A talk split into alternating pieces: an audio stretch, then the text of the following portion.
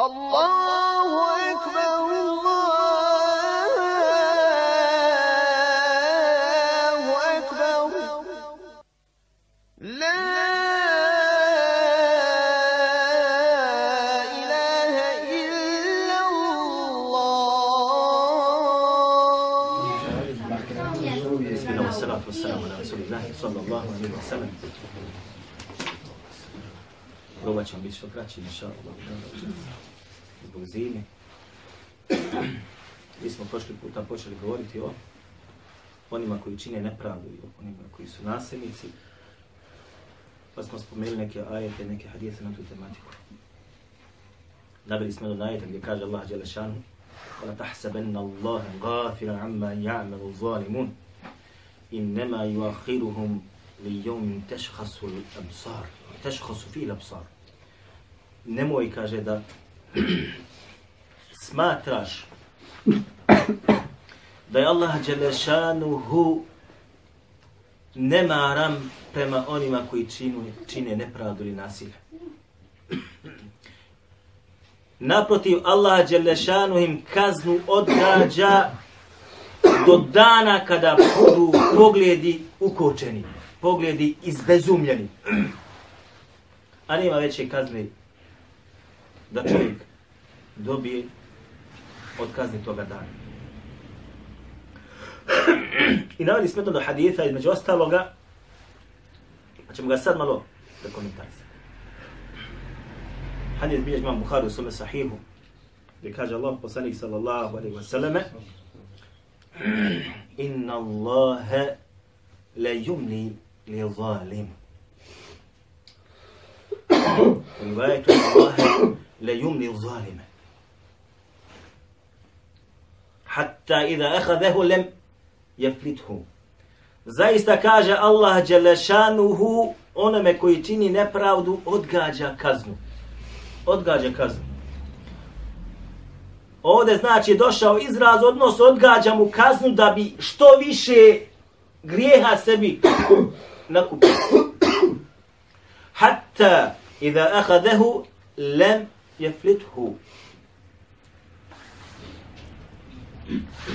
Sve do određenog momenta, a onda kada ga Allah Đelešanuhu uzme da kazni, ne može ništa u tom momentu da bude spašeno. Pobjeć ne može više. Zatim je Allah Đeleša, zatim je Allah poslanik sallallahu alejhi ve sellem proučio ajete gdje kaže Allah Đelešanuhu وكذلك أخذ ربك. I tako kaže tvoj gospodar uništava وكذلك أخذ ربك إذا أخذ القرى وهي ظالمة. Tako kaže također tvoj gospodar kada hoće da neki narod, odnosno selo ili grad uništi, uništi ga bolom i teškom kaznom.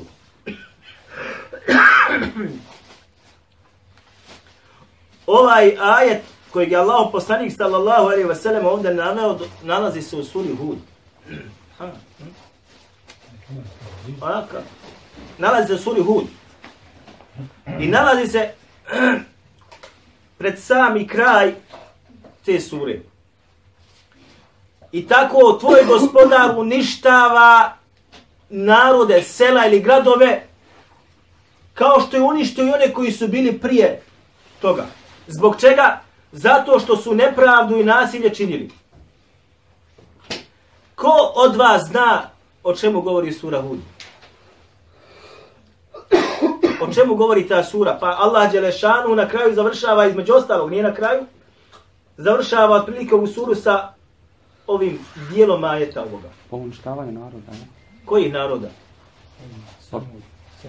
A? Samo. nije nabraja. Allah Đelešanuhu nabraja nagrada. Nabrada, nabraja Allah Đelešanu u ovoj suri narode koje je Allah Đelešanu uništio. A kome su dolazili poslanici. Pa govori o uništenju naroda Nuh alihi salam. Unište narod Nuha zbog čega? Zato što je taj narod prvi koji je počeo šta? Da obožavaju kipove. Prvi koji je počinio širka Allahu Đelešanu, pa je Allah Đelešanu uništio čime? Čime je uništio? Potopom i poplava. Ima li poplava danas? Zato kaže, وَكَذَلِكَ أَخْدُ رَبِّكَ I tako tvoj gospodar uništava sela i gradove. Zbog čega? Zbog onoga što su i narodi prije toga činili pa bili uništeni. Zatim govori o stradanju naroda Huda alaihi salam. Zatim govori o stradanju naroda između ostaloga Lut alaihi salam. Lut, narod Luta, zbog čega je uništen? Zbog čega? Zato što su imali šta razvrat. Narod prvi koji se najveći razvrat na Dunjaluku pojavio, Allah tako ga naziva najvećim razvratom na Dunjaluku. A šta je to? Da muškarac radi sa muškarcem ono što treba da radi sa svojom suprugom. Možete zamisliti. Ima li toga danas? Ima, ima, ali svađa. Uništen narod, kako je uništen, to smo spomenuli prošli put. Allah je uništio taj narod kako podigao ga u nebesa, zatim sovalio na ono mjesto gdje su, gdje su bili naopački. Narod Šuajba, narod Šuajba je bio narod koji je zakidao na čemu? Na vagi i na litri. Pa je narod taj uništen ili nije uništen? Uništen. Zakidal danas muslimanski narod na vagi i na litri? Zakida. Allah je nabrojao između ostaloga narode, narod Firauna. Zašto je narod Firauna uništen? Njegov narod, zbog čega uništen? Zbog toga što nisu povjerovali u Allaha Đelešanu, jedna stvar. Druga stvar, zato što je Firaun tlačio one koji su bili ispod njega. Vladar tlači one koji su ispod njega, koji su ga izabrali da bude na vlasti. I malo ovoga danas.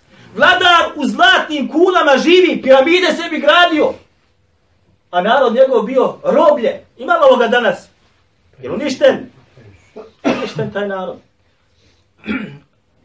Vladari u islamskom svijetu, ako se tako može da kaže, braćo moja draga, milijarde imaju. Milijarde u svojim posjedima. A narod njegov nema od čega da se školuje, nema od čega da preživi. Zato nije čudo kada pogledate situaciju sad u arapskom svijetu, muslimanskom svijetu, gdje god su nemiri, to su muslimanske zemlje. Nije čudo.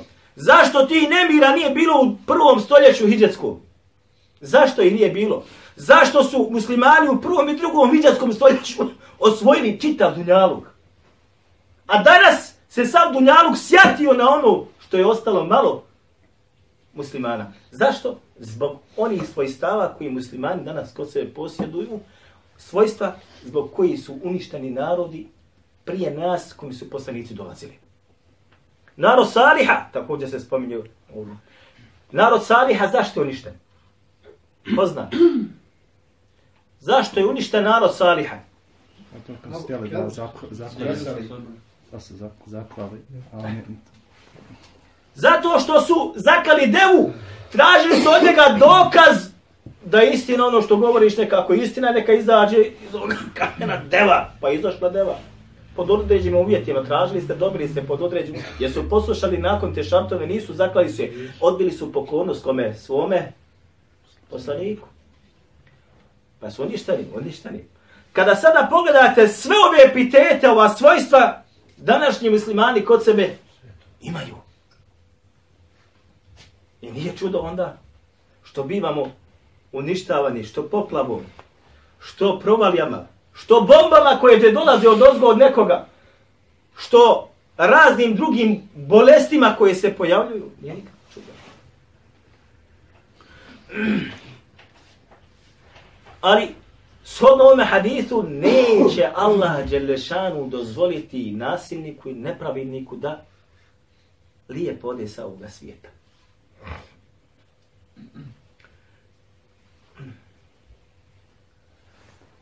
Bilježi Ibn Abi Šejb u svojemu sanefu sa vjerodostojnim lancem prenosilaca.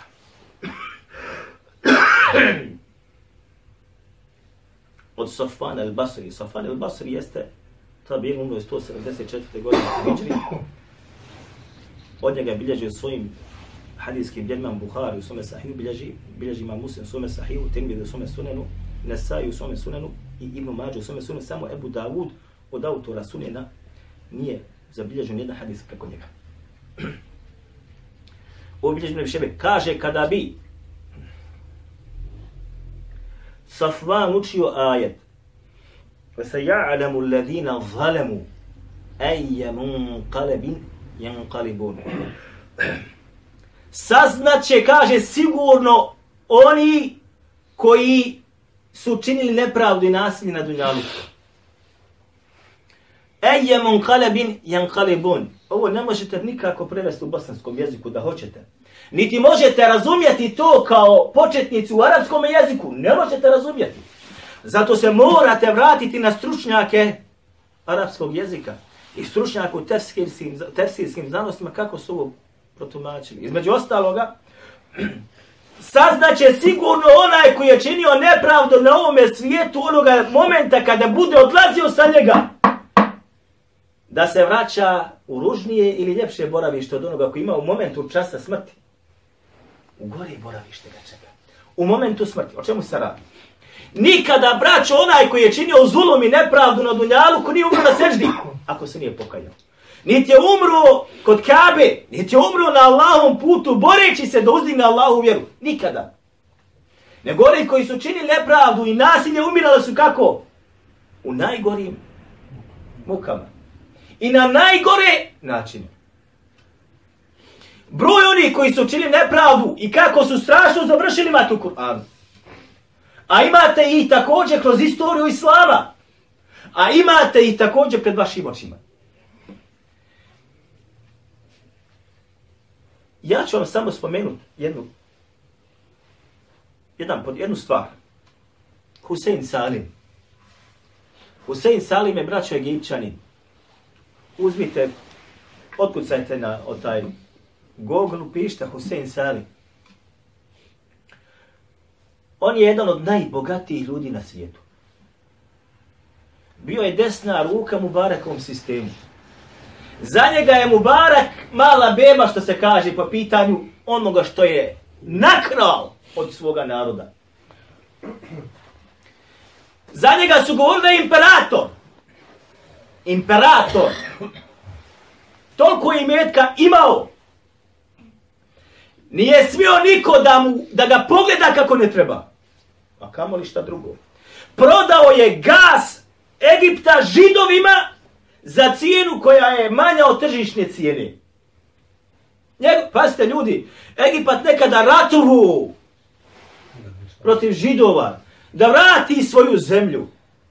Palestina okupirana, Zulma toliko načinjeno i on sklapa ugovor sa židovima da proda gas svoga naroda neprijateljima Islama i njegove zemlje za cijenu koja je ispod tržišne cijene. Je to džaba? Nije. Zato će dobiti šta? Odriješenju kesu. Njegov imetak su procijenili između 60 i 100 milijardi dolara. 60 i 100 milijardi dolara. Sve što ima od svoga imetka. I još uvijek se ne zna koliko još ima nerasnjiženo. Pa je pobjegao u Španiju kada je prije nego što će mu baviti da spane slas, pobjegao u Španiju tamo, pa su ga tamo Španci uvatili zbog drugih malverzacija koje imao, pa je pušten sa kefalom, tako zvano, odnosno,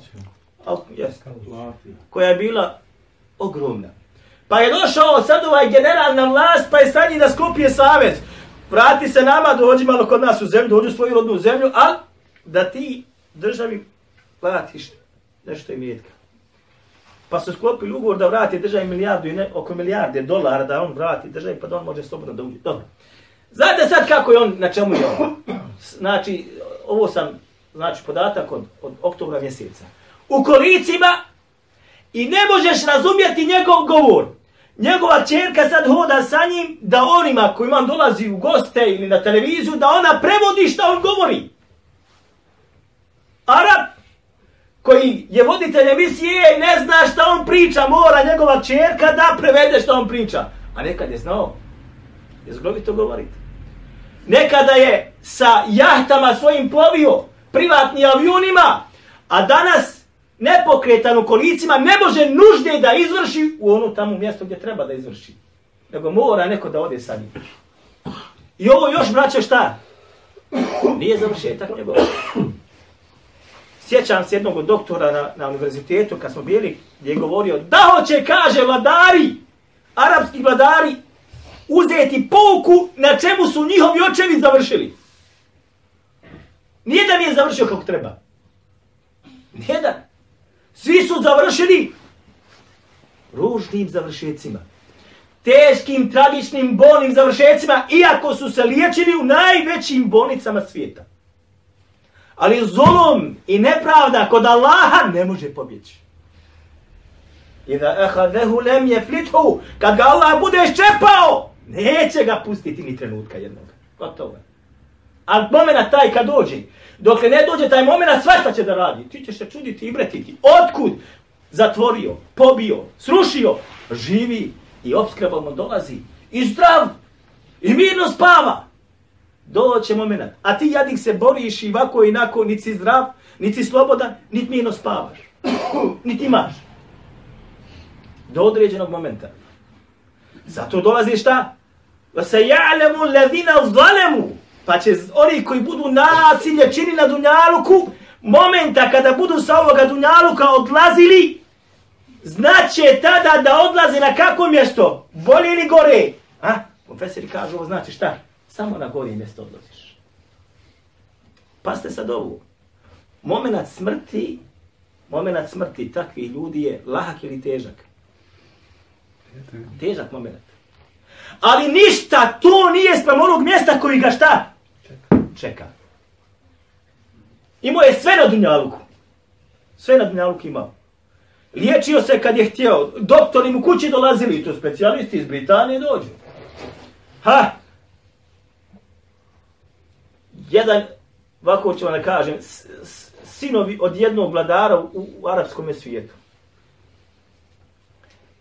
Ovaj Hussein Salim je braćo bio takozvani znači ga vlasnikom Šarma Šeha. Jeste čuli za taj grad? Šarma Šeh jeste najgore mjesto na Dunjaluku koje postoji. Nalazi se u Egiptu na Crvenom moru. Najgore mjesto na Dunjaluku koje postoji. U njega ne može obični Egipćanin da uđe osim kao čista čulice, kuhar i da čisti hotele i da prodaje turistima koji dolaze određene stvari. Običan ne može ući. Samo može da uđe Egipćanin koji je šta? Bogat, generali i ostala sita. Običan da uđe, ne možeš. Zbog čega? Zato što imaš, prije što uđeš u taj grad, imaš barikade gdje te pregledaju, vraćaju i tako dalje. Ne se. On je bio takozvani zaluska vlasnikom u Šabla Šehnak. E, kaže da puta jedni od, od sinovi od jedni, jednog vladara bili su tu na, na ljetovanju i njegovo dijete je poželilo kada sladoled. Ovo priča ljudi koji su bili. I to kakav sladoled? Takvi ne jedu obične sladolede. Kakav sladoled? Sladolede koje je naučio da jede, kaže, u, u Parizu. Da hodaju, putuju. Pa je kaže, otputovao taj, ili dvojica ti sinova, otputovali su sa privatnim svojim avionom u Pariz, sladoled tamo te kupili, sladolede u posebne posudice i vrati opet vam ovome Egipat dijetu da se dadli. Možete misliti, ovo sam čuo juče, braćo, moja Do čega dolazi, kakav zulm i kakva nepravda se radi. Dok dijete neko nema da pojede koru hljeba, njegovo dijete će šta dobiti sladoled iz Pariza sa posebnim privatnim avionom da se ode po njega. Je li ovo zulom, braćo? Ništa nije čudo što se danas događa kod nas muslimane. Vjerujte mi. Ništa. Znači, ja sam bio u Siriji prije ovoga rata. 2008. godine. 2008. sam godinu prolazio kroz Siriju, kad sam dolazio do Ja nisam mogao da vjerujem da onakve stvari kod ljudi bude prisutno od etikada i to nekog uvjerenja. Bosanski muslimani po pitanju vjerovanja, ubjeđenja su zlato sprem njih arbini. Ti će nećeš naći da neki musliman kaže da ima neki koji u kaburu da on može da obskrbi. Da mrtvac može obskrbiti nekoga. Da mrtvac može biti uzrok da neko dobije dijete, to jeste nađe. Osim nešto rijetko, ali tamo će to naći na svakome koraku. Nisam mogu da nađem džamiju da klanjam gdje nema kabura u džamiji. Hajde nema kabura. Nego taj kabur u džamiji je okrašen zelenim svjetlima, napravljen mauzule od njega čita. Morao sam da idem nekoliko stotina metara dole niže skroz u jednu malu džamicu gdje kabura nije bilo unutra. Sve ostalo bilo pod kaburima kabru unutra. Čovjek umre, malo znani, učeni, u džamiju go kopavaju. Jesu kom je Allah, znači. I ništa nije čudo što se to događa. Prolazim po jednom puta, parkirašte, Hlitna ja Rasul Allah, piše. Kaže, o Allah, poslaniće, spasi nas. Napis ogroman. Na zidu ispisan. Ko će te spasiti? Allah će nešan. Hlitna ja Rasul Allah, piše. O Allah, poslaniće, spasi nas. Allah, poslanik, sa osam je poslat, živio do određenog momenta. Njegov život se završio. Ti tražiš od onoga koji je preselio svome gospodaru da te spasi. I onda se ibretiš i tudiš. Zbog čega ovo? Ništa, Allahi, nije džaba. Ma sebe te idi nas, kako dolazi u ajetima.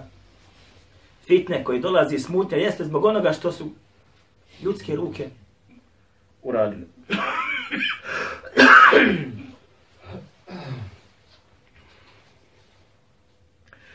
Pasta, braćo moja draga. Uhšuru ladina zalimu izvađu ma kanu ja'budu min duni Allahi fahduh mila siratu ja'im. Kaže Allah Đalešanu. Kaže Allah Đalešanu kada govori o proživljenju. Uhšuru ladina zalimu. Proživite ili proživljen će biti oni koji su nepravdu i nasi na dnjalu ko činili. Uezvađuhum i njihove šta? Supruge. Muževi i žene sve u paru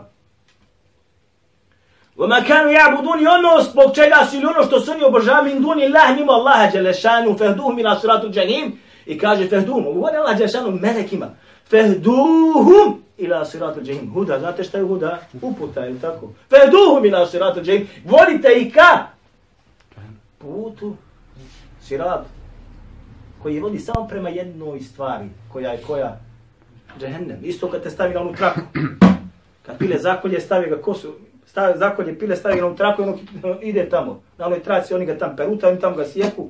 Jer tako se radi. Nemaš kud pobjeći. Siratul džahim je jedan. Kao što je siratul mustaqim jedan. Siratul džahim kad dođeš na to da ideš na njemu, ne možete ništa više spasiti.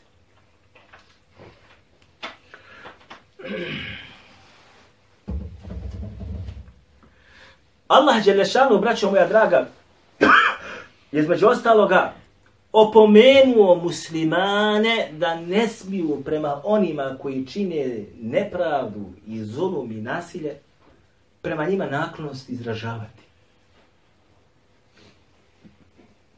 Ne smiješ sa njima imati lijepe, bratske, što bi rekli mi, odnose. Da to bude mahabbe, da vlada između vas prijateljstvo, puno ljubavi. I oko, te rekinu ili lazina u valemu, fatamessakum unaru. Nemojte slučajno da bi prema onima koji su učinili, učinili nasilje i nepravdu, njima se vi šta? Približili. Naklonili. Lijepo mišljenja o njima imali. Lijepo sa njima razgovarali. I tako dalje. Mora postojati određena granica. Zbog čega? Da vas neće zbog toga što vi činite također šta? Kaže Allah, dotaknuti vatra dotaknuti vatra. Ne mora biti uzrok da udeš, da boraviš u njoj, da te dotakne dostaj. Zbog čega? Zato što oni koji čine nepravdu i nasilje na sebe ne ulače šta? Kaznu i belaj.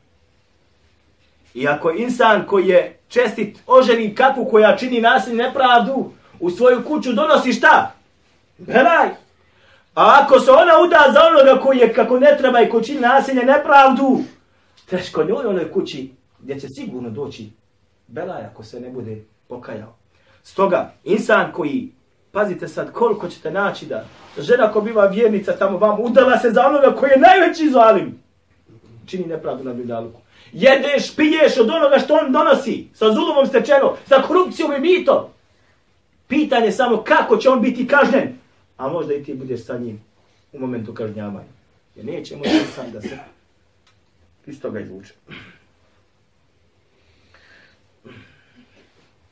Kaže Allah poslanik sa svom hadisu koji je bilježi imam Bukhari u svome sahihu, govoreći braćo o pravima muslimana prema muslimanu između ostaloga. El muslimu ahul muslimu. Kaže musliman je brat muslimanu. La jazlimuhu wa la yuslimuhu. Neće mu, kaže, nepravde i nasilje šta učiniti. Wa la yuslimuhu. Niti će ga šta izdati i predati nekome. Neće ga, znači šta? Nasilje, nepravdu mu neće učiniti. Niti će ga šta? Izdati, prevariti i da, da ga nekome preda. Zarobi ga pa ga preda. Da vam ja ne govorim o tome koliko je koliko je muslimana isporučivano od, od strane muslimanskih zemalja nevjerničkim zemljama da budu tamo zatvoreni. To je malo već poznato. Koliko je muslimana koji muslimanu čine zulum? To su primjeri, braćo moja draga, koji su ogromni, ogromni. I sve se piše, sve meleki pišu, sve meleki pišu, sve meleki... I sve više zuluma, i sve više nepravde, i sve više zuluma, sve više nepravde. Do određenog momenta. A tada više neće biti tada više neće biti vremena da se insan može popraviti oko luka liha, da da stavu firullahi i da Ako ima neko... Allahu ekber, Allahu